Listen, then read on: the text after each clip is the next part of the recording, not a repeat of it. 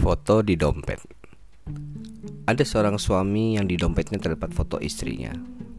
Teman-temannya memuji dia sebagai suami yang ideal.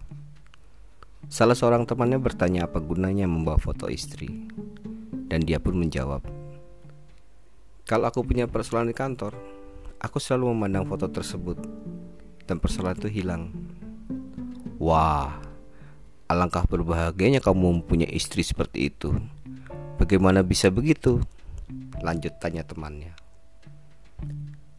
Ya, kalau melihat foto istri saya, semua persoalan apa pun di kantor menjadi tidak ada apa-apanya dibandingkan dengan persoalan dengan dia. thank you